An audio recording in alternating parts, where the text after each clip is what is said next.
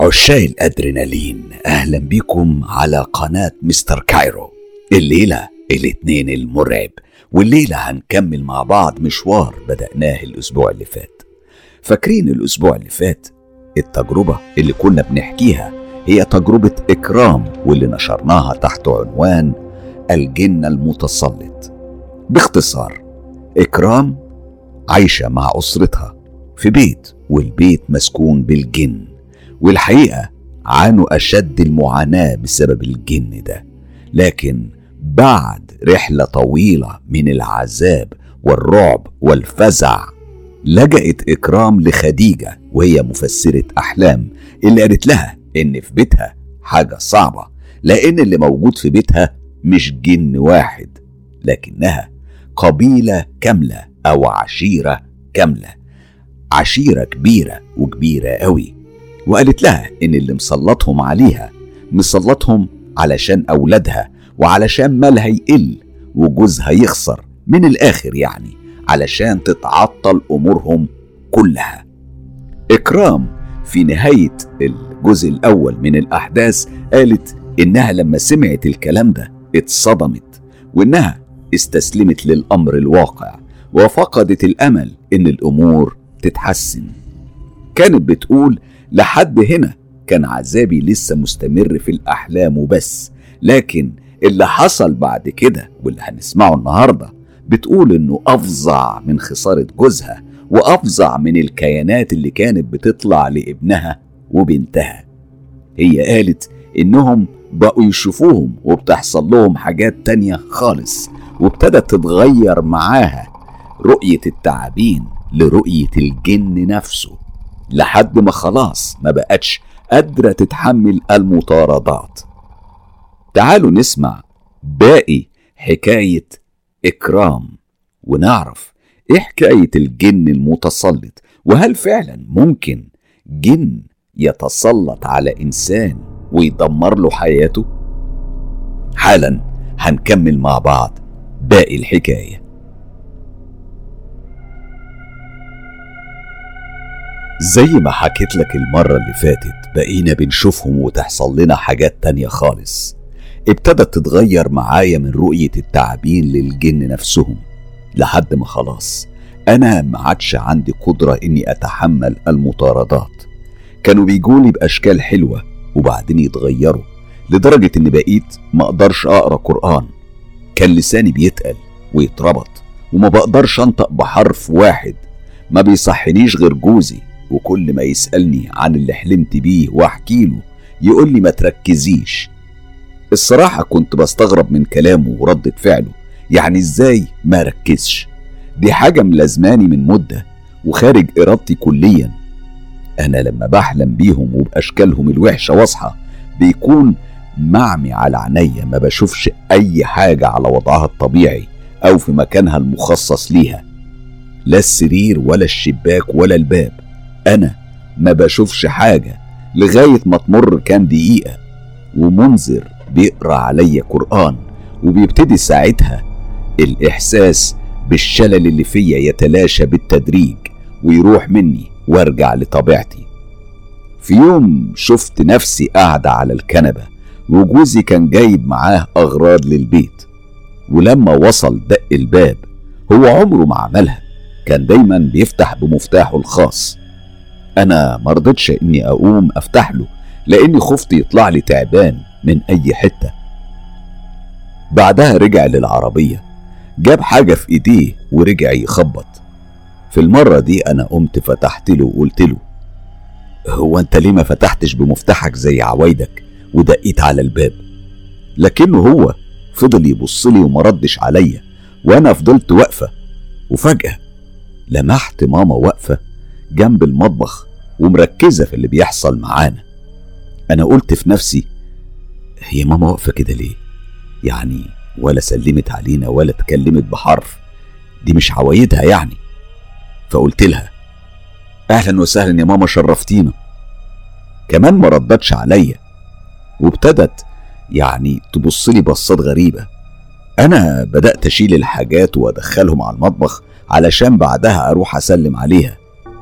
فجأة حولت نظرها من علينا لبير السلم كأنها رافضة تبصلي أو تكلمني. في الوقت ده منذر اداني كيس لونه وردي وصندوق مغلف وقال لي اتفضلي ده هدية ليكي مخصوص. أنا مسكتها وشكرته بعدها قال لي أنا عارف إنك خايفة من التعابين والكيس اللي في إيديكي مليان بيهم. أنا شلته ورميته على باب المطبخ اللي بيمر على الطرقة اللي فيها أوض النوم. والغريبة إن ماما ولا اهتمت وراح منذر وقف جنبها. وهما الاتنين فضلوا يبصولي بصة مليانة كره وخبث أنا كانت عيوني على الكيس الوردي اللي كان بيتحرك زي ما يكون في معركة جواه. بعدها بصيت على منذر بنظرة معناها تعالى الحقني وانقذني أو ابعدهم عني. انت إيه اللي عملته فيا ده؟ بس للأسف هو بدأ يتحول هو وماما ولون بشرتهم ابتدى يتغير من لونهم الأبيض الطبيعي للون شاحب وغامق اتحول للرمادي وبعدها للأسود. والصراع في الكيس كان مستمر. الظاهر إن كل واحد عايز يطلع قبل التاني. أنا قلبي كان بيخفق بقوة من كتر الخوف وكل الرعب ده اللي كنت عايشة فيه. ولسه الباقي أفظع. ولسه برضه ما وصلناش للجد على قولة الأستاذ حسام. ولا على رأي الأستاذ وليد اللي راح حمادة واللي جاي حمادة تاني خالص. أنا الفزع اللي شفته في أحلامي كان كبير قوي. وأنا بشارككم قطرة من بحر. في مرة شفت نفسي إني واقفة في بيتنا القديم وكل العيلة كانت متجمعة أمي وإخواتي البنات والذكور مع زوجاتهم وعيالهم. أنا كنت فرحانة بيهم البيت كان مليان وأنا داخلة من الباب ومنذر ورايا. وفجأة بدأ الكل يتغير ويتضاعف يعني كل واحد فيهم بقى منه اتنين أو تلاتة. وحطوني في دايرة ووشوشهم اتغيرت. أنا اتلفت المنذر ونغزته بكعب رجلي وأنا بقول له دول مش أهلي أهلي راحوا فين؟ مين دول؟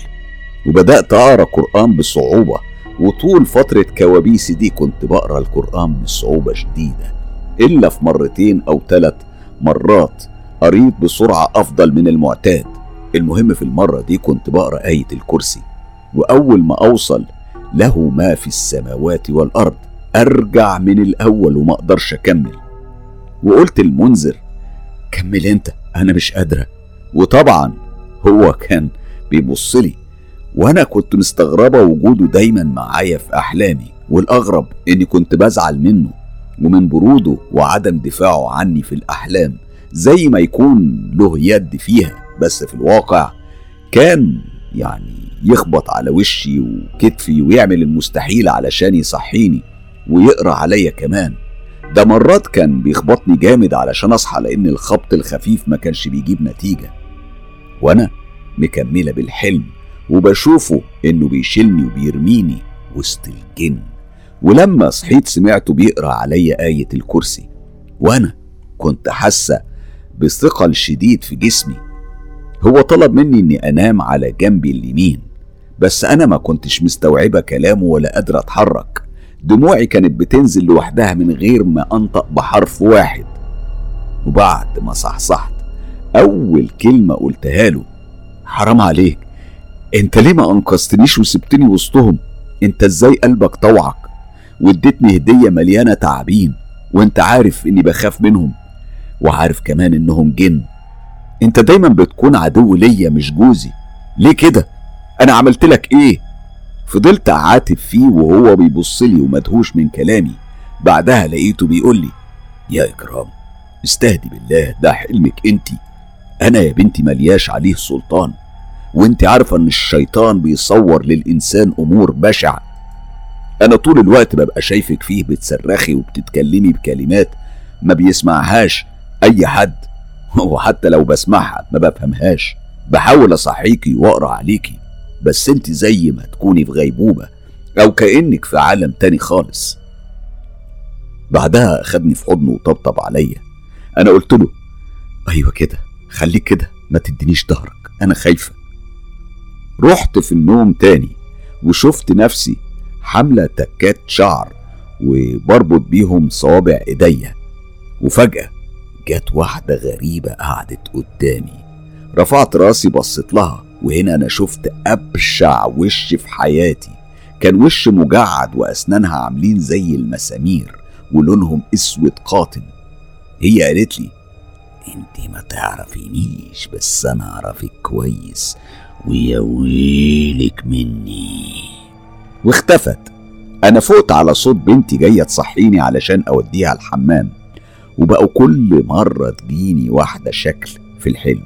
كانوا بيكلموني منهم اللي تهددني واللي بترعبني واللي في مرة من المرات قالت لي خلي بالك من اللي جايلك وانتبهي لنفسك هي رايحة تظهر لك تحت السرير. أنا خفت وحبيت أقوم بس ما قدرتش أتحرك.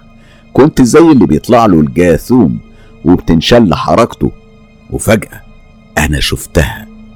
كانت واحدة ست رايحة جاية قدام السرير وفي نفس الوقت حاسة بحركة تحتي وطلع لي تعبان ضخم قوي ومعرفش ليه حسيت إنه أعمى وإني كنت أو إني يعني كنت محجوبة عنه ومش شايفني.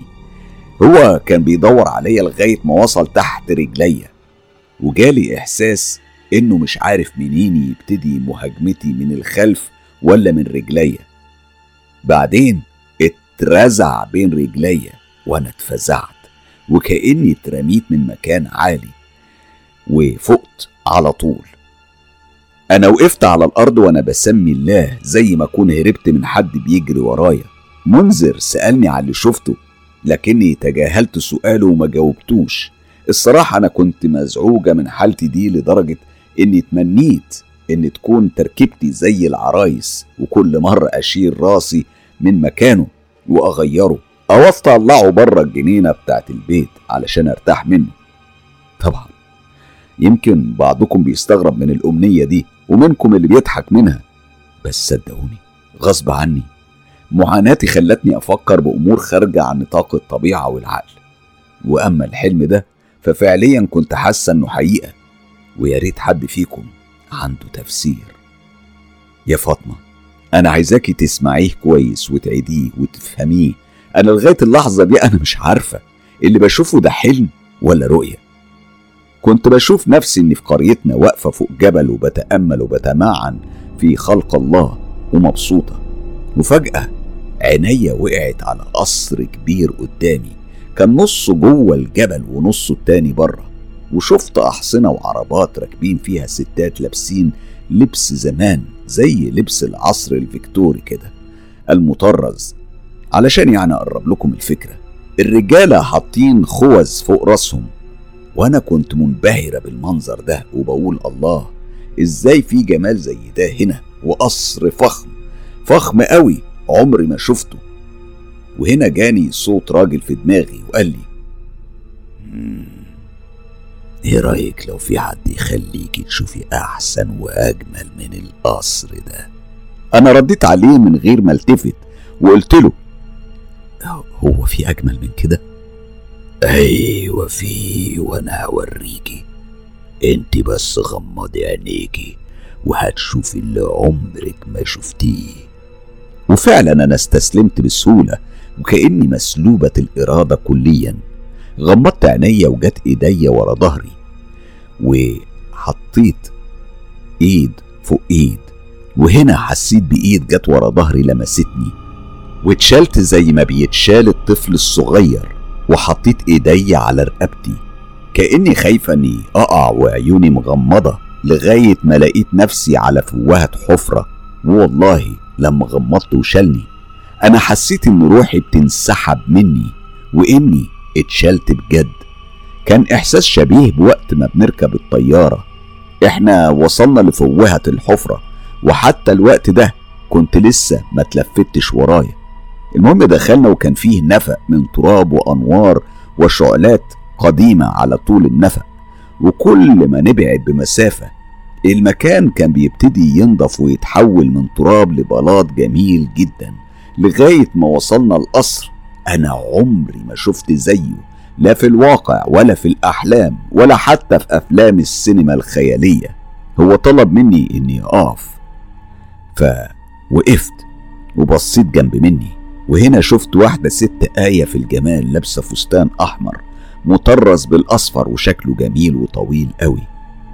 وقال لي دي الملكة تعالي نمشي وراها لأنك هتتغدي معاها ومع جوزها الملك.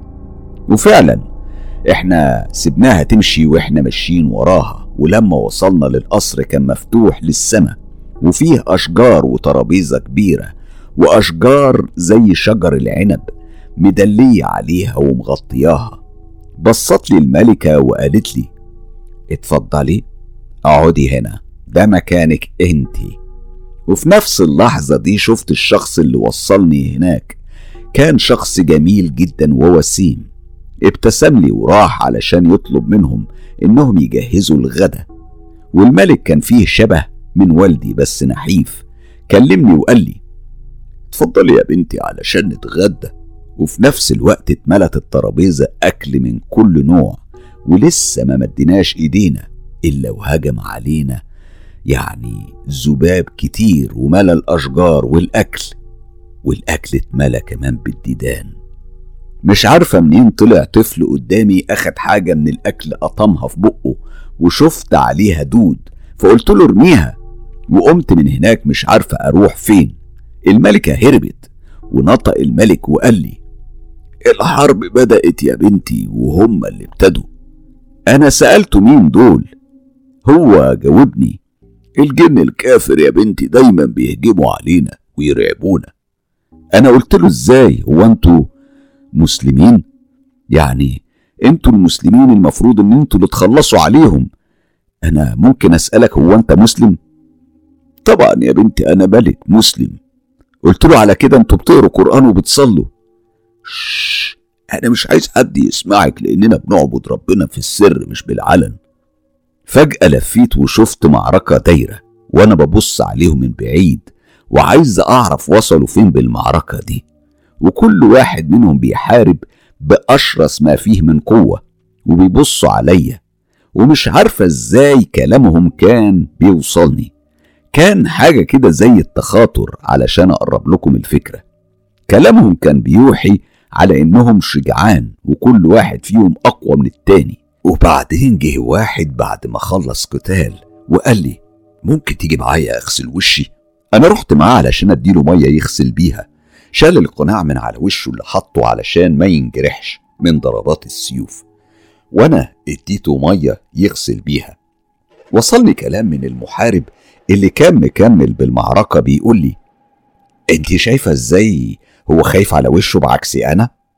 وهو بيبتسم لي في اللحظة دي بالذات أنا صحيت وأقسم بالله إني حسيت نفسي عايشة واقع مش حلم واللي عاش تجربة زي دي هيفهمني وهيقدر اللي عشته وبحكي لكم عليه. بعدها بدأ الجد وبقينا نشوف الكيانات دي أنا وكل أهل بيتي. بادئ الأمر كان في يوم لما صحيت الصبح وصحيت الولاد فطرتهم وراحوا على مدارسهم ورجعت اتسطحت شوية علشان أرتاح قبل ما يرجعوا مع وقت صلاة الظهر.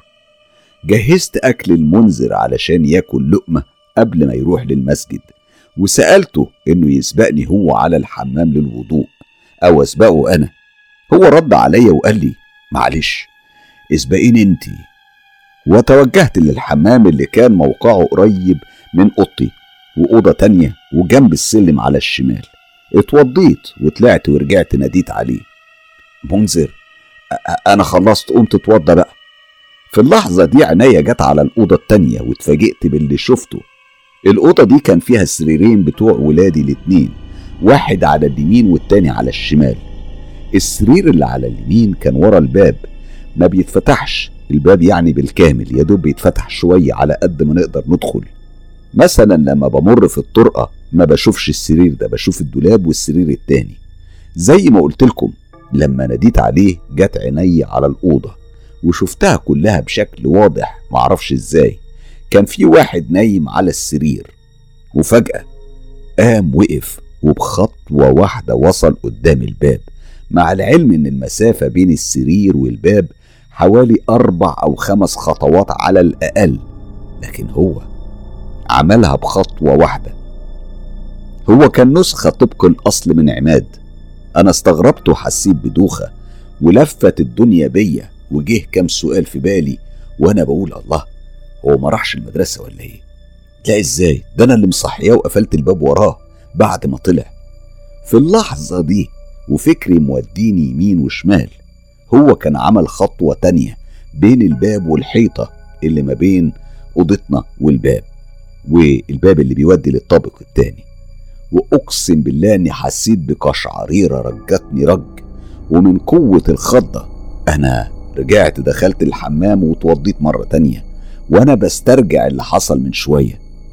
انتبهت متأخر على إن الكيان ده كان واخد شكل ابني من الشعر والملابس والقوام بس وشه كان أسود ومن غير ملامح خالص. طلعت من الحمام على أوضتي وسألته أنت ما شفتش عماد وهو فايت من هنا؟ منذر قال لي هو مش راح على مدرسته ولا إيه؟ أنا رديت وقلت له أيوه هو فعلا راح وبما إنه هو راح هيدخل منين يعني؟ طلعت دورت في كل البيت وأنا بنادي عليه بس ما كانش فيه أي رد وما لقيناش أي حد. واتأكدت وقتها إني شفت كيان من عالم تاني وإن دي بداية لأحداث جديدة ربنا يستر منها. وشكلنا كده ياما هنشوف. كانت أول مرة أشوف حاجة زي دي وأتفزع بالشكل ده لدرجة إني كذبت عينيا. واتأكدت بكده من اللي كان عماد بيشوفه طول السنين دي إنها حاجات فظيعة ربنا سبحانه وتعالى ما يوريها لحد. أنا تخيلت كمية الرعب والعذاب اللي عماد عاشهم وإحنا في غفلة عنه ومش عارفين نصدقه ولا نكذبه. وهقول لك حاجة أنا من وقت ما رجعت من بلدنا الأم وأنا حاسة نفسي متغيرة 180 درجة السعادة والفرح والحب وكل المشاعر الحلوة اختفت من قلبي واتشالوا شيل من كتر الوجع والانكسار اللي عشته الفترة دي. كل حاجة حلوة راحت. بقيت أحس بقلبي فاضي تماما. تصدقوا وتأمنوا بالله. إني حتى الخروج بره كرهته. ما بقتش بحب أطلع من البيت لأي سبب. حتى لو كان ميعاد عند الدكتور. كنت بكنسل مرة واتنين وتلاتة لغاية ما يكلموني ويقولوا لي تم إلغاء مواعيدك كلها. لأنك ما جيتيش. وما بيقبلوش يجددوها. أكتر من ثلاث مرات. وكنت بعملها عن قصد. بس علشان ما اطلعش لأني كنت بحس بالضيق في نفسي. وبخاف بخاف أخرج. بالرغم إن بيتنا كان منبع السعادة وإخوات جوزي الخمسة مع أجوازهم وأولادهم ما كانش بيحللهم القعاد إلا عندنا. كانوا بيجوا كلهم والبيت يتملى على الآخر من أولاد إخواته وإخواتي. ما بيحبوش إنهم يرجعوا مع أهاليهم. إحنا كنا شايلينهم على كفوف الراحة واللي بيطلبوه بيلاقوه. كنا عاملين لهم خزانة مخصوص ونملاها حلويات وشيبسي وبسكوت والذي منه. وكل جمعة كانوا بيجوا وما يروحوش لغاية يوم الحد بالليل وما يناموش إلا بعد الفجر. طبعا على سهرات وضحك وهزار طول الوقت. وبيصحوا الساعة 8 الصبح وبعدها بعيد ترتيب البيت ومش هاممني إنهم خربوه. حوالي 12 واحد بين أولاد إخواتي وأولاد إخواته وكلهم متجوزين بأولادهم اللي كانوا بيتجمعوا عندنا. أنا كنت بخدمهم بسعادة من أكل وشرب وحتى العجين. كنت بعمل عجينة كبيرة قوي وكانوا كلهم بيشاركوا بعجنها. وبين يوم وليلة ما بقوش يجوا حتى في الأعياد بعد ما كان العيد ما يحللهمش إلا وهم عندنا متجمعين. وأقسم بالله إن كل شيء انقطع مرة واحدة. بعدها قرروا إنهم كل سنة يتجمعوا في بيت واحد منهم. وقتها أنا سألتهم باستغراب ليه فجاوبوني علشان هم حاسين إنهم متقلين علينا طول السنين دي. الموضوع ده كان صدمة بالنسبة لي خصوصا إن إحنا عمرنا ما قصرنا معاهم ولو في أي حاجة صغيرة ولا عمرنا حسسناهم إنهم عال علينا. ما بقاش في زيارات إلا نادرا أو لما أعمل عزومة أو يجي حد من أهلي أنا ومنذر من مدينة تانية. علشان كده بقول لك السعادة اتشالت من قلبي شيل. زي ما تقولوا كده كوباية اتكسرت وكنستها ونظفت المكان. وجه عامل النظافة حطها بالقمامة تخيلوا الحاجة اللي صعبانة عليا أكتر لما واحدة من إخواتي يحصل لها موقف سعيد وتحب تفرحنا. وبشوف الزغاريد والفرحة وتعمل لنا مكالمة مشتركة على النت. بكتم الصوت وبعيط بمرارة لأني ما بحسش بأي حاجة معاهم.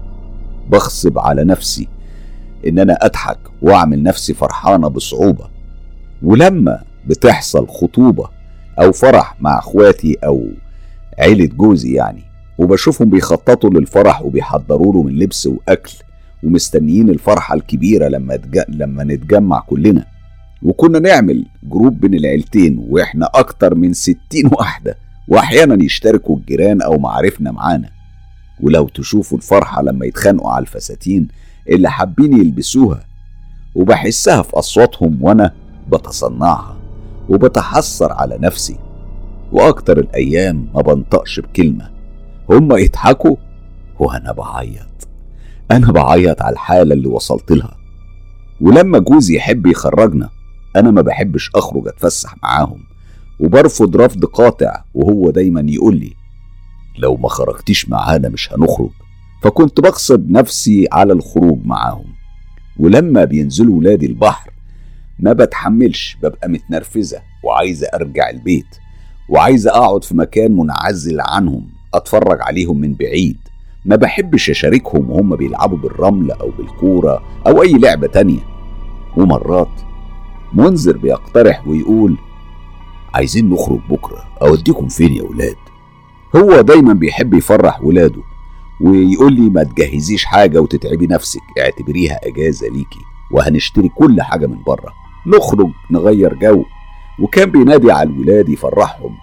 فأنا دايما كنت أقول له يا ريت يا ريت ما تقول لهمش واخترع لهم أي عذر. ولو حتى إني أشغل نفسي بالتنظيف لغاية ما يقول لي أنت بقيتي بتكرهيني في الخروج وبتكرهيني فيه كمان. مرات مثلا لو حصل معاه ظرف ويتواصل مع حد من أصحابه أو يعزمه لعنده أو يجيبهم شغل ويقول لي مش هنخرج كنت بتنفس الصعداء وارتاح وبقول الحمد لله إن الطلعة باظت. أما الولاد فكانوا بيزعلوا وحتى لما بتولد واحدة من العيلة كانت من عوايدنا نروح ونزورها والكل يبقى سعيد إلا أنا. دايما بكتئب وبلبس وأنا مخنوقة خصوصا لما اكون وسط لمة كبيرة وييجوا يقعدوا جنبي ويحبوا يهزروا معايا. كنت بتصنع الهزار والابتسام وأشيل التليفون. لو طولنا وأبعت رسالة لجوزي علشان يجي ياخدني من غير ما ألفت نظر أي حد وأقول أنا عايز أروح تعالى خدني. كانوا بيسألوني مرات ليه وأنا ما كنتش بحاول أجاوب على السؤال وأحاول أس... أحاول بس أجاوب بدبلوماسية. فبيسألوني مرات ليه شلت التليفون؟ بقول لهم عمكم عايز يروحني. فبيزعلوا ويحاولوا يخلوني أبقى أكتر معاهم وأتحجج لهم بأي حجة وأنا طالعة وأقول لهم المرة الجاية هعوضها. بس بيكون كلام وخلاص. أنا عارفة إني مش هوفي بيه. دي حكايتي مع الزعل وكسرة القلب والوجع وكل حاجة تتخيلوها لدرجة إن في أفراح كتيرة في العيلة اتعملت والكل بيحضر ويفرح إلا أنا. موجودة كجسم من غير روح ولا كأني موجودة أصلا. وحتى جوزي لما بيقول لي كلام رومانسي كلام حلو يعني دايما أبص له ودموعي تنزل لوحدها. أنا معرفش أرد عليه إزاي. الراجل اللي جاب لحبيبته وردة تشمها ادتها للمعزة تاكلها ولما يسألني عن سبب عياطي بقول له أنا زهقت. وبفكر في الغمة اللي إحنا فيها دي هتتشال عننا إمتى. اللي أنا بحكيه ده شوية من اللي بمر بيه من سنين ودي أول مرة بيطلع مني وأنا بفضفض بيها معاكم. خلوني أرجع لكم لبنتي سارة الصغيرة اللي بقى عندها عشر سنين دلوقتي. بس الأحداث اللي حصلت معاها كانت من وهي صغيرة خالص لما كان عندها حوالي أربع سنين. كانت دايما تلعب جنبي بالليل. مش عارفة إزاي جه في بالها إنها تاخد اللعب وتطلع فوق. بالرغم من إن عندها بيت صغير مليان ألعاب متعودة تدخل جواه وتلعب هناك. أنا سبتها براحتها وقلت يمكن زهقت منه وحبت تلعب قدام إخواتها. كانت زيها زي الأطفال بتعمل جو وصوتها ما بيهمدش. لما فجأة صوتها انقطع وما سمعتش أي حركة منها ولا ضحكها ولا كلامها زي المعتاد. فسألت أختها الكبيرة غادة عنها. هي قالت لي هي جوه أوضتك يا ماما. قلت لها بتعمل إيه هناك؟ أخدت كل اللعب بتاعتها ودفتر الرسم والألوان وسابتنا وراحت أوضتك. فأنا سبتها يعني براحتها. أنا لما رحت عندها لقيتها شايلة كل حاجة من على التسريحة بتاعتي واخدة الكرسي وطلعت قعدت. تسريحتي كانت كبيرة وعليها مراية بتتقفل. فأنا سألتها أنت بتعملي إيه هنا لوحدك يا سارة؟ يعني ما قعدتيش مع إخواتك أو جيتي عندي يعني تحت زي عوايدك؟ أنا عايز ألعب هنا مع أصحابي. مين أصحابك يا حبيبتي؟ هما فين دول؟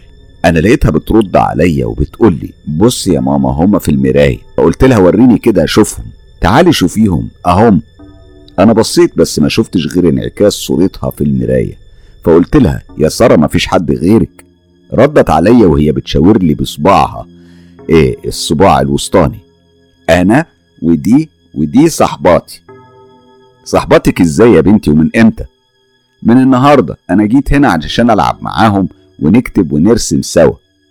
أنا ضحكت من كلامها وشقوتها وما حطيتش أي تفكير سلبي في بالي. فضلت طول الأسبوع على الحال ده. وبصراحة أنا قلقت. ما كنتش عايزاها تفضل طول الوقت مقابلة أو قاعدة قصاد المراية لوحدها. وما تقعدش مع إخواتها. فأنا أخدتها من إيديها وطلعتها بره وقفلت الباب. هي فضلت زعلانة مني اليومين كاملين. بعد كده نسيت الموضوع ده تماما. وفي يوم جه ابني هيثم وقال لي ماما ماما أنا مفيش عندي شغل النهاردة. هروح أسهر وبات مع ولاد عمي لو سمحت. ممكن تجيبي لي العلبة اللي فوق التسريحة وارميها لي من الشباك بعد إذنك من غير ما تنزلي. قلت له حاضر. وطلعت أجيبها. والنور كان مطفي من فوق. فقلت بلاها مش هشغله هطلع على نور الطرقة. أنا يا دوب طلعت ست درجات من السلم ولقيت واحد جاي من الصالة اللي فوق كان كبير قوي وماشي بيتقل. أنا شفت اللي باين منه من فوق ركبه لتحت. كان لابس جلابية فرو تخينة وهو بيلف علشان ينزل. أنا حسيت بحرارة قوية جسمي كله ولع نار. وما قدرتش أصرخ أو إن أنا أنادي على منذر. وابتديت أردد وأعيد في بسم الله الذي لا يضر مع اسمه شيء في الأرض ولا في السماء وهو السميع العليم. بعدها بدأت الحرارة دي تخف بالتدريج وفضلت واقفة لدقايق في نفس النقطة لا قدرت أكمل ولا قدرت أرجع. هيثم اتصل على أبوه لأني اتأخرت عليه. قام منذر يدور عليا. أما أنا كنت قريت آية الكرسي كم مرة لغاية ما انزاحت عني الحالة دي ودخلت على الأوضة شغلت النور ما شفتش حاجة تاني. بس فضلت حاسة بقشعريرة ومش مطمنة ورميت له العلبة من الشباك من سكات. وفضلت لحوالي نص ساعة أو أكتر ما كنتش نطقت بحرف. كنت بسمع صوت منذر وأولادي بيتكلموا بس ما كنتش شايفاهم وكأني كنت في عالم تاني. ومرات بسمعهم وهم بيندهولي فبقوم أروح على الصالون علشان أشوف عايزين إيه لكني ما بلاقيش حد موجود ولحد دلوقتي مش عارفة إذا كنت في حلم ولا في علم. بعدها بمدة لما خلصنا العشاء وتنظيف المطبخ أخدت سارة لأوضتها علشان أنيمها فنمت جنبها وصحيت حوالي نص الليل أو بعدها بشوية وسمعت الباب الرئيسي اتفتح ودخل منذر وتوجه للصالون وقتها. كان الجو شتاء والبرد شديد. فقلت هتغطى واستناه لغاية ما يطلع. غمضت عينيا وسمعت باب الأوضة بيتفتح بشويش فقلت أنا هعمل نفسي نايمة علشان كنت دفيانة ومرهقة وعجزت إن أنا أقوم. هو جه من ورايا وحط إيديه على السرير وقرب وشه مني علشان يتحسسني لو كنت نايمة ولا صاحية. لكن أنا ما اتحركتش ولا فتحت عينيا. حتى وفي اللحظة دي سمعت رن التليفون منذر جاية من تحت وهو رد وكان المتصل أخوه اللي في البلد وسمعته هو بيكلمه بيسأله عن أموري وعن أمورنا وعن أحوال الأهل كلهم وكان بيذكر في باقي العيلة بالاسم. أنا قلت في نفسي لما يعني اللي رد تحت ده منذر أمال مين ده اللي ورايا؟ أنا اتجمدت في مكاني وبدأت أقرأ في آية الكرسي ولما وصلت له ما في السماوات والأرض. بدأ الشيء ده يبعد عني. فضلت كام دقيقة بعدين حصنت سارة وقمت نزلت تحت كلمت حماتي وحطيت عشاء وما حكيتلوش على اللي حصل. ودي كانت واحدة من أصعب الليالي اللي عشتها. وما. ما بتمناش أي حد يعيش اللي أنا عشته. تتوالى الأحداث بعدها. أنا كمان رحت أنيم سارة زي العادة وسندت ظهري على السرير وحطيت إيدي على وشي علشان أحسسها إني نمت. هي راحت في النوم الحمد لله وأنا استرخيت وأنا على الوضع ده. حسيت براحة للحظات بس يا فرحة ما تمت. زي ما بيقولوا. عارفين ليه؟ وأنا على الوضع ده حسيت بغرزة سكينة في بطني. حطيت إيدي على مكان الألم وكتمت الصرخة جوايا علشان سارة ما تصحاش. الألم كان فظيع. لدرجة إني حسيت بسخونة الدم في إيديا وخفت أشيلها لأغرق المكان. أنا عارفة إن أنتوا هتستغربوا ويمكن مش هتصدقوني بس والله ده هو اللي حصل. دخلت ودخلت إيديا التانية وتحسست بيها مكان الوجع وسحبتها علشان أتأكد من وجود الدم بس. لكن ما كانش في أي حاجة. والله كنت حاسة بأمعائي كلها بره ألم فظيع وإحساسي بتدفق الدم كان بيزيد ونفسي كان بيتقطع. وقمت بالعافية وأنا بتسحب ورحت المنذر وبوصولي لعنده وقعت. هو شالني وأخدني على المستشفى وعملوا لي أشعة وفحوصات لكن كل شيء كان سليم مية في المية. الغريب إني فضلت بقول له ان امعائي بتتحرك جوايا والألم فظيع قوي وهو كان بيقول لي مفيش أي حاجة. أنت شفتي الأشعة بنفسك وسمعت الدكاترة قالوا إيه؟ أنا فضلت الأسبوعين كاملين على الحال ده اتعذبت عذاب ما يعلم بيه إلا رب العباد. وفي يوم من الأيام اتصلت بيا حنان بنت أخو منذر واللي كان بيعتبرها بنته مش بنت أخوه. وكان بيساعدها لأن جوزها لسه ما أخدش التأشيرة. أما هي فكانت بتطلع كل فترة وفترة تعمل مراجعات عند الدكتور وتجهز أوراق الولادة وترجع على البلد. منذر كان بيوصلها ويساعدها بالمصاريف وتذكرة السفر وغيرها من الأمور وزي ما قلت لكم من قبل كده هو كان بيعمل ده مع الكل. بس المرة دي هي ما اتصلتش علشان يساعدها بالعكس هي اتصلت وقالت لي إزيك يا عمتي؟ بخير الحمد لله. أنا عايز أسألك سؤال يا عمتي واطمن عن عمو منذر. هو بخير يا بنتي الحمد لله. أنا بس حاسة إن في حاجة حصلت معاه. إزاي يعني حاجة؟ زي إيه مثلا؟ في حاجات كتير يا بنتي مرت بحياتنا. اسمعي يا عمتي الصراحة أنا حلمت حلم وما عجبنيش. أنا شفت نفسي إني كنت بمشي ولقيت بستان أخضر جميل جدا ومزروع بكل أنواع الورود من كل لون أحمر أصفر أبيض وردي وأشجار كتير مثمرة كمان. ما شاء الله. خير اللهم اجعله خير. حلو قوي الحلم ده يا بنتي. عمه كان واقف على طرف البستان وبيتأمل فيه ويبص عليه يمين وشمال وباين على وشه إنه فرحان بيه قوي. أنا قلت هروح أسلم عليه وبالمرة يعني أمتع نفسي بالمنظر الجميل ده. وأنا معاه وفجأة ابتدت الأرض تنشف وتتشقق زي ما تكون عطشانة وبقالها زمان ما تسقتش بالمية والأشجار.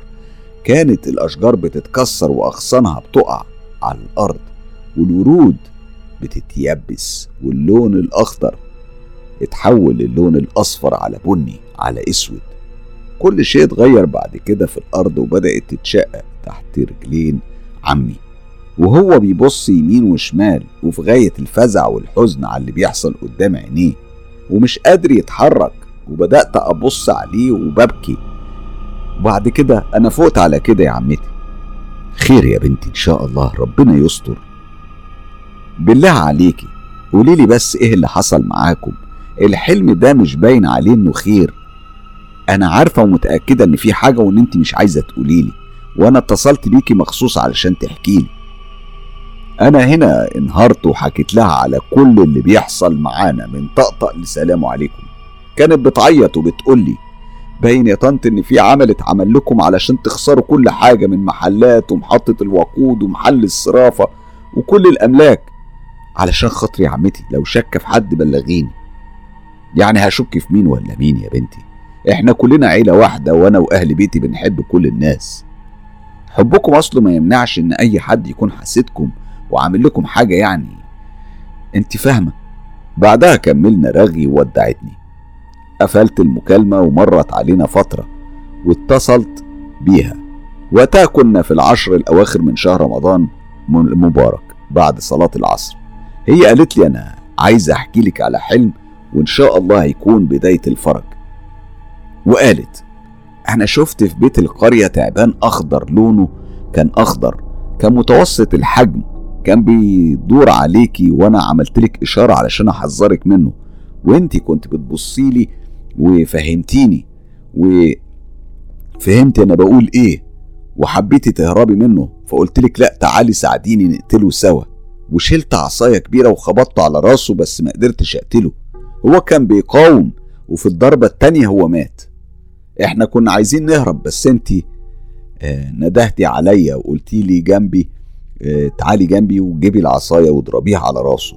أنا بقيت أضربه لغاية ما انفصل عن جسمه وفي اللحظة دي اطمنتي وحمدتي ربنا وعلشان كده أنا بقولك دي بداية الفرج. أنا صحيت من النوم بعد كده وفي الأيام دي حصلت لي حاجة غريبة. بالنسبة لي أنا كنت بصلي بالعافية من كتر ما بيكبس عليا النوم. من بعد ما كنت بعاني من الأرق لسنين بقيت أول ما بحط راسي على المخدة أروح في سابع نومة.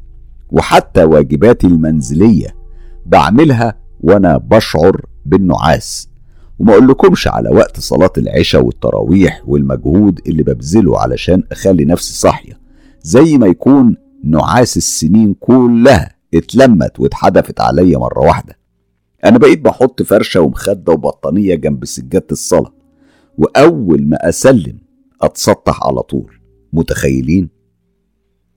في الوقت نفسه كنت مبسوطة لأني وأخيرا بنام زي الخلق والناس. بعد ما كنت جعانة نوم وحسيت إن روحي رجعت لي ومر رمضان اللي كان في شهر ستة. بما إن بنتي غادة كانت قدم لها شاب محترم من قبل رمضان بكام شهر فإحنا كنا محددين الفرح بشهر سبعة 2019 حددنا التاريخ السعيد وحجزنا وحجزنا القاعة وبدأنا بالتحضيرات. وابني كمان كنا خطبنا له بس رفض إنه يعمل فرح واحد آه، هو وأخته. فإحنا طبعا آه، اتفقنا على إن إحنا هنعمل ده. إحساسي أنا وعيلتي بالرعب والخوف ما كانش بيفارقنا والأصعب من كل ده إني ما كنتش فرحانة بالزفاف بتاع بنتي زي كل أم. والإحساس ده لوحده كان كارثة ومن أفظع الأمور اللي ممكن الواحدة تمر بيها. غير إنها كانت رايحة تعمل عملية قبل الفرح. وبصراحة استوقفتني حاجة حكتها شهرزاد لما قالت إنها صحيت في يوم وحست بحاجة بتمشي في فروة راسها. نفس الحاجة دي حصلت مع غادة بنتي قبل فرحها بفترة لما صحيت علشان تجهز نفسها لموعدها في المستشفى لليوم اللي بعده بخصوص عمليتها في مناخيرها اللي اتكسرت في طفولتها بعد ما وقعت من السلم واتعوجت. بس إحنا ما انتبهناش عليها علشان ما كانش واضح ولا هي اشتكت إن عندها ألم غير عادي إلا لما وصلت لسن 8 سنين. الدكتور قال إنه مش هينفع تعمل عملية لغاية ما تكبر وتتم 18 سنة. وقتها قررنا نعملها. يوميها كانت بتكلم صاحبتها وادتهم خبر عن الموضوع. لما خلصت قلت لها اطلعي يلا جهزي شنطتك اللي هتاخديها معاكي على المستشفى بكرة. حطيت ايدي على راسها وهنا أنا شفت حاجة بيضة وكثيفة كأنها كيس ملح اتفرغ فوق راسها. أنا فكرتها قشرة شهقت وسكت وأنا بقلب راسها وهي سألتني لما شافتني مركزة مع شعرها. في إيه يا ماما مالك؟ رديت شعرك يا غادة مليان قشر. لما تخلصي تحضير شنطتك روحي اعملي دش. المصيبة إنها لما جت تمشط شعرها نزل منه أمل كتير. كانوا يعني زي كأن حد جاب جردل تراب ورماه فوق راسها. جه منين؟ معرفش. والله وكأنه اتزرع زرع. هي ندهت لي وكانت مخضوضة لأنها أول مرة تشوفه ويحصل لها حاجة زي دي. أنا رحت عندها بعدين طلعت جري على التليفون وكلمت منذر. طلبت منه يجيب دواء خاص بالأمل وأنا في حالة الذهول الرهيب. كنت قرفانة منه خصوصا إن أنا عارفة غادة إنها نظيفة وبتعتني بنفسها ودايما بتسرح شعرها وبتستحمى كل يوم. اتصلت على أختي وحكيت لها على اللي حصل. قالت لي غرقي شعرها زيت وهيروح. أنا غرقته وبدأت تمشطه أقسم بالله الكمية اللي نزلت مش معقولة. وكل ساعتين تعيد نفس الكرة تقريبا طول الليل وإحنا صاحيين ننضف فيه وكان بيزيد مش بينقص. أنا حطيت لها الدواء اللي جابه منذر بس من غير فايدة. وحتى لما دخلت ورحنا على المستشفى كانت بتقوم تغير الروب كان بينزل عليها. وأنا كنت بقول يا رب ما حدش ياخد باله وكنت باخد الروب بتاعها وأنفضه وأرمي عليه المية. لأنها كانت ممنوعة من الحركة بعد ما شالوا العظمة المكسورة وحطوا مكانها داعم طبي تاني. ده حتى الأكل. كانت تاكل بالإبرة وتاخد سوايل وحاجات لينة وبس. وفضلت طول الوقت مشغولة بتنظيف شعرها لغاية ما طلعت. واتبلينا بعدها بالنمل كمان اللي كان بيهجم بطريقة غير طبيعية. وأنا فضلت طول الوقت شايلة المكنسة وبكنسها بكنسهم من غير ما أقتلهم. مروا أسبوعين بعد العيد والعملية وتحدد كمان فرح ابن خالتي اللي كان ساكن في ولاية تانية يعني بعيدة عننا بحوالي أربع ساعات بالسفر بالسيارة. يعني فرح ابن أختي وبنتي وكمان ابني هيثم والمصيبة. رجعت لي حالة الأرق والضيق للأسف. ولولا إخواتي وبناتهم وأجوازهم اللي ساعدونا واهتموا بالتحضيرات والذي منه كنا اتزنقنا ومعرفناش راسنا من رجلينا. ربنا يسعدهم ويرضي عنهم ويرضى عنهم ولا يوريهم اللي شفته لأنهم كانوا بيحاولوا دايما يرضوني بأي طريقة ويعملوا المستحيل علشان ينجح الفرح. والحمد لله مر كل شيء بخير وبنتي سعيدة بجوازها ورزقها ربنا سبحانه وتعالى بولد. وابني هيثم طلق مراته بعد 8 شهور جواز واتقلب حاله لحال لا يعلمه إلا الله. المهم الضيوف جم عندنا من شهر ستة وفضلوا عندنا لغاية النص من شهر تمانية علشان بين فرح هيثم وغادة كام يوم. لكن فرح غادة في أول شهر سبعة وفرح هيثم كان في آخر الشهر. طبعا الحمل زاد علينا غير الديون وكل واحد فيهم عايز حفلتين حسب تقاليد البلد. وبما إن الحفلات دي محتاجة مصاريف أنا اديت ذهبي لمنذر علشان يبيعه ونفك زنقتنا. وفعلا باعه بحوالي خمسين ألف دولار. ووعدني إنه هيعوضني بس أنا قلت له أنت ذهبي والكنز اللي رزقني بيه ربنا سبحانه وتعالى. أنت كل حاجة في حياتي والحمد لله. أنا عارفة إن أنا ب...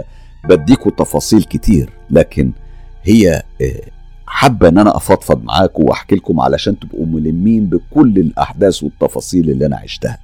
الأهوال بقى اللي شفناها في الفرح. بنات اخواتي واخوات منذر اتجمعوا كلهم من قبل الفرح. كانوا حوالي عشرين بنت ما شاء الله عليهم. كانوا بيقضوا الليل سهرانين يهيصوا ويرقصوا وصوت الدي جي ما بينطفيش لغاية الفجر. ومفيش واحدة فيهم بتنام لغاية ستة الصبح. وهو ده الوقت اللي بقوم فيه أنا علشان أشوف مصالحي. فكنت بصحيهم وأقول لهم ماليش دعوة بيكم. لازم تقوموا علشان أوضب البيت. في ناس جايين وما يصحش يلاقوا البيت مقلوب قلب كده. إحنا فضلنا كل يوم على الحال ده لغاية ما في مرة طلبت أختي منهم يطفوا النور علشان بنتها الرضيعة تعبت فجأة وما كانتش قادرة تنام. فطفوا وشغلوا كشاف التليفون وقامت أحلام بنتها الكبيرة بتدور على مكان فاضي تنام فيه. وقع نور الكشاف على واحدة عجوزة قاعدة في ركن البيت وبتبص عليها. فهي قالت لهم هي مين دي؟ العواجيز كلهم فوق. ردت عليها نوال بنت أختي التانية. هو أنت بتتكلمي على مين؟ طفي نور الكشاف وتعالي نامي هنا. مفيش هنا حد عجوز. كلهم فوق. طبعا آه تجادلوا مع بعض. وقالت أحلام أنا هروح أقف هناك علشان أوريكي مكانها. وأنتي وجهي لي نور الكشاف وشوفي إيه اللي بيحصل.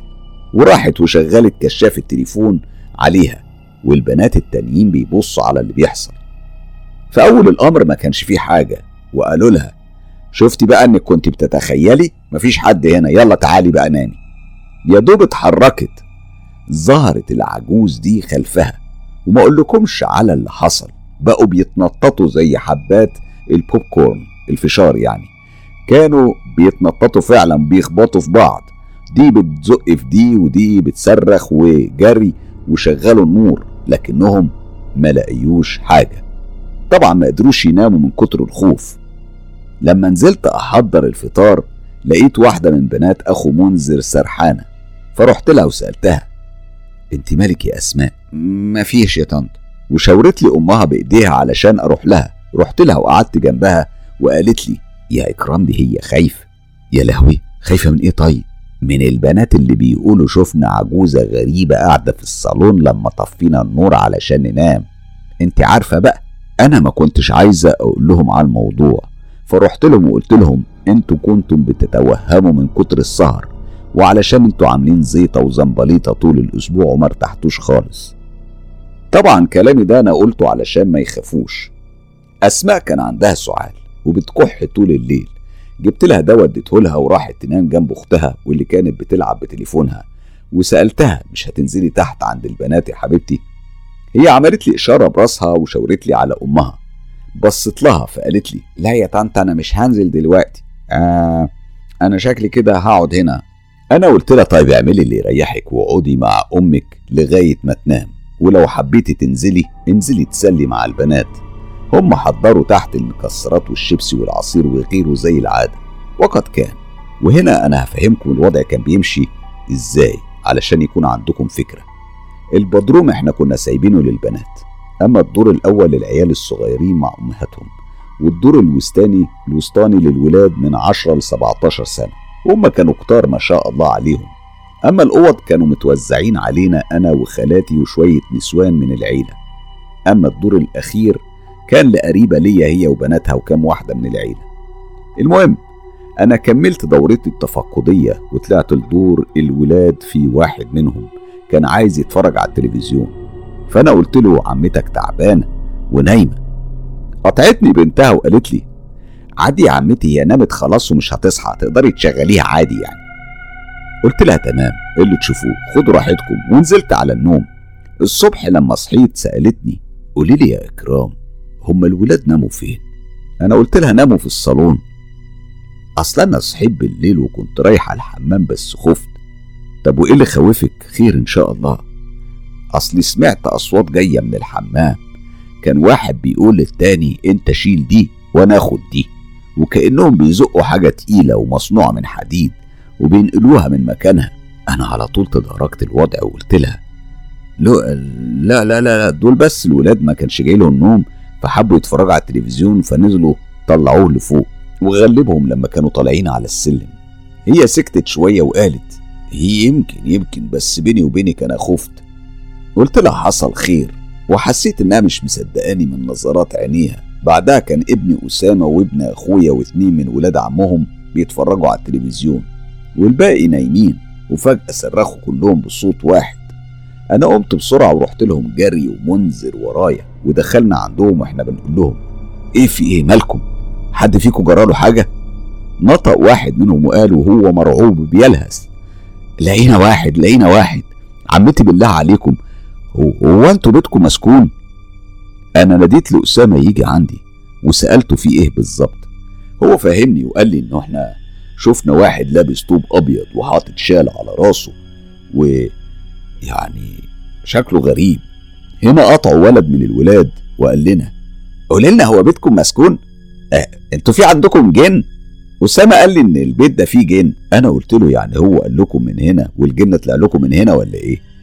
المهم كنا في حتة لخبطة ملهاش أول وملهاش آخر وكل واحد يقول كلام من من وجهة نظره أنا بدأت أفقد أعصابي وكمل عليا الولد واحد منهم يعني لما قال لي إحنا افتكرناها عم منذر. وهنا أنا نطقت وأكدت إن الأمر يعني حقيقي فعلا إن منذر هو اللي طلع يراجع عليهم ورجع على أساس آكل بعقلهم حلاوة. لقيته بيفاجئني وبيقول لي أيوه يا عمتي هو لابس زي عمه منذر فعلا بس عمه أبيض البشرة مش أسود. اللي جه ده كان أسود. وجه منذر ورايا وقال لهم عادي عادي النور وهو طافي علشان كده كان وشي باين أسود. يلا ارجعوا ناموا ما تخافوش. أنا كنت رايح بس أتوضى لصلاة الفجر وجيت أراجع عليكم. أنا بعد ما خلص منذر كلامه رجعت على الأوضة ولفيت ورايا. وهنا أنا شفت الكيان اللي شافوه واقف في الطرقة قدام الشمعدان بنفس اللبس ونفس الوضعية اللي شافوه بيها. كان بيبص عليا بصة تحدي أو سخرية. حسيت بتقل في جسمي والدم نشف في عروقي. أنا بدأت أقرأ المعوذتين ولما طلع منذر من الحمام قلت له منذر منذر أنا شفته شفت نفس الراجل اللي شافوه الولاد. على فكرة دول ما كانوش بيكذبوا. أنا عارف بس نعمل إيه بقى؟ ربك سبحانه وتعالى يفك كربنا. إحنا طبعا ما قدرناش ننام بعد الفجر من القلق والحيرة على اللي بيحصل معانا في البيت اللي كان زحمة وكل يوم بيجوا ناس من العيلة الكبيرة اللي ساكنين هنا بالولايات التانية. ومن بين الولاد كان ابن أخويا اللي عنده 15 سنة. كل ما بينام بنسمعه هو بيصرخ ويقول سيبونا نام سيبونا نام وروحوا العبوا وحدكم بعيد عني حرام عليكم. وقال لمامته إنه مش عايز ينام عندنا. ولما سألته عن السبب قال لها إن كل ما بينام بيجي حد يضربه على ظهره أو كتفه أو يضرب رجليه. ولما بيصحى بيلاقي كل الولاد نايمين ومش عارف مين فيهم اللي بيعمل كده. وبيرجع يعمل نفسه نايم. هي طبعا بدورها سألت كل الولاد بس محدش اعترف. الكل نفى الأمر وحلفوا بالله إن ملهمش دخل. وبالليل ناموا كلهم إلا واحد من أبناء أخويا. فضل رايح وجاي في الطرقة وعامل ضجة. بيلف ويجري وعامل إزعاج. أنا رحت الأم وناديت لها. بسمة بسمة. والنبي شوفي وائل ماله مش عايز ينام وعمال يلف ويجري وبيخبط برجليه وعامل ضجة لوحده وبيكلم نفسه كمان. الباقيين نايمين انت واخدة بالك؟ هي اعتذرت وراحت قالت له يا وائل عيب ما يصحش كده الكل نايمين وانت الوحيد اللي عامل الضجة. وأخدته لفرشته وغطته وسابته. الغريبة إنها الصبح بلغتني إنه فضل يمشي ويتلفت وراه. لما صحى وفطر أخدته على جنبه وسألته قول لي يا وائل يعني مش عيب عليك امبارح؟ إخواتك كلهم نايمين بالليل وأنت بس اللي بقيت عامل ضجة لوحدك. طبعا أنا يعني فاهمة إن هي كان قصدها باخواته كل أولاد العيلة. أنا اتدخلت في الحوار وتضامنت مع والدته وكملت كلامها وسألته على اللي بيحصل. لقيته بيقول لي يا عمتي أنا ما كنتش بلعب لوحدي أنا كنت بلعب مع واحد صاحبي. أنا قلت له مين صاحبك ده؟ وابن مين في عماتك فلانة ولا علانة؟ هو كان بيجاوبني بالنفي وقال لي لا مش واحد من العيلة ده ولد أول مرة أشوفه. هو كان أسود البشرة ولابس قميص بني. أنا مش عارف طلع لي منين فجأة كده لقيته واقف قدامي وقال لي تعالى نلعب سوا. ولعبنا سوا. أنا مش عايز أوصف لكم شعوري في اللحظة دي لأنكم بقيتوا تعرفوني خلاص. أنا عرفت إنه نفس الولد اللي كان بيطلع لعماد من كام سنة ولفت الدنيا بيا لف وخفت على الناس اللي عندي كلهم لأن الحوادث دي بدأت تحصل مع الكل. وبالتدريج وبعد حوالي تلات أيام وعلى الساعة ستة الصبح أنا كنت مسطحة وسايبة الباب متوارب والنور منور وفجأة جه واحد وقف قدام الباب. مش ظاهر منه غير الخصر الفوق. جسمه أبيض زي التلج ووشه أسود فحم ومن غير ملامح خالص. يعني من غير عينين أو بق أو منخار أو أي شيء من الملامح البشرية. أنا اترعبت وحاولت أخبط على منذر بإيدي علشان يشوف اللي أنا شايفاه قدامي. أنا بقيت بصرخ وأقول منذر يا منذر اصحى يا منذر منذر بص مين واقف قدام الباب! منذر رفع راسه وبص على الباب. لو حابين تعرفوا إيه اللي حصل لما منذر رفع راسه وبص على الباب وشاف إيه وإيه اللي بتحكي عنه إكرام في تجربتها المرعبة والمخيفة دي يبقى هتستنونا الاتنين اللي جاي وحلقة الأخيرة من الجن المتسلط تجربة إكرام اللي عانت أشد المعاناة من عشيرة جن عايشة معاها في نفس البيت والسبب الحقد والحسد. بشكركم وإلى اللقاء. قولوا لي بقى ليه تشترك في قناة مستر كايرو؟ علشان توصلك آخر المعلومات اللي ممكن تفيدك وتحميك انت وأهلك والناس اللي بتحبهم من عالم السحر والسحرة. وكمان علشان تكون ملم بعالم الجن والعوالم الغامضة اللي بتشاركنا حياتنا. اسمعوا لو عندكم تجارب حقيقية وحصلت بالفعل ليكم أو لحد من أصحابكم وحابين تشاركوا بيها أصدقاء مستر كايرو ابعتوا التجارب على الصفحة الرسمية للإعلامي حسام مصباح على موقع التواصل الاجتماعي فيسبوك أو على تطبيق تليجرام وده الأفضل. كل الروابط موجودة في خانة الوصف. أما للحصول على كل الحصريات انضموا ل group تجربه رعب مستر كايرو وصفحة هستيريا قصص رعب على فيسبوك. ولو حابب تدعم تجربه مستر كايرو ادعموا بالاشتراك في القناة والإعجاب بالكليب. طبعا لو عجبكم و share الكليب في كل مكان. وهي دي بقى المهمة واتساب ماسنجر إنستجرام وأخيرا شيروا على يوتيوب. خلي الدنيا كلها تعيش تجربة. Mr. Cairo.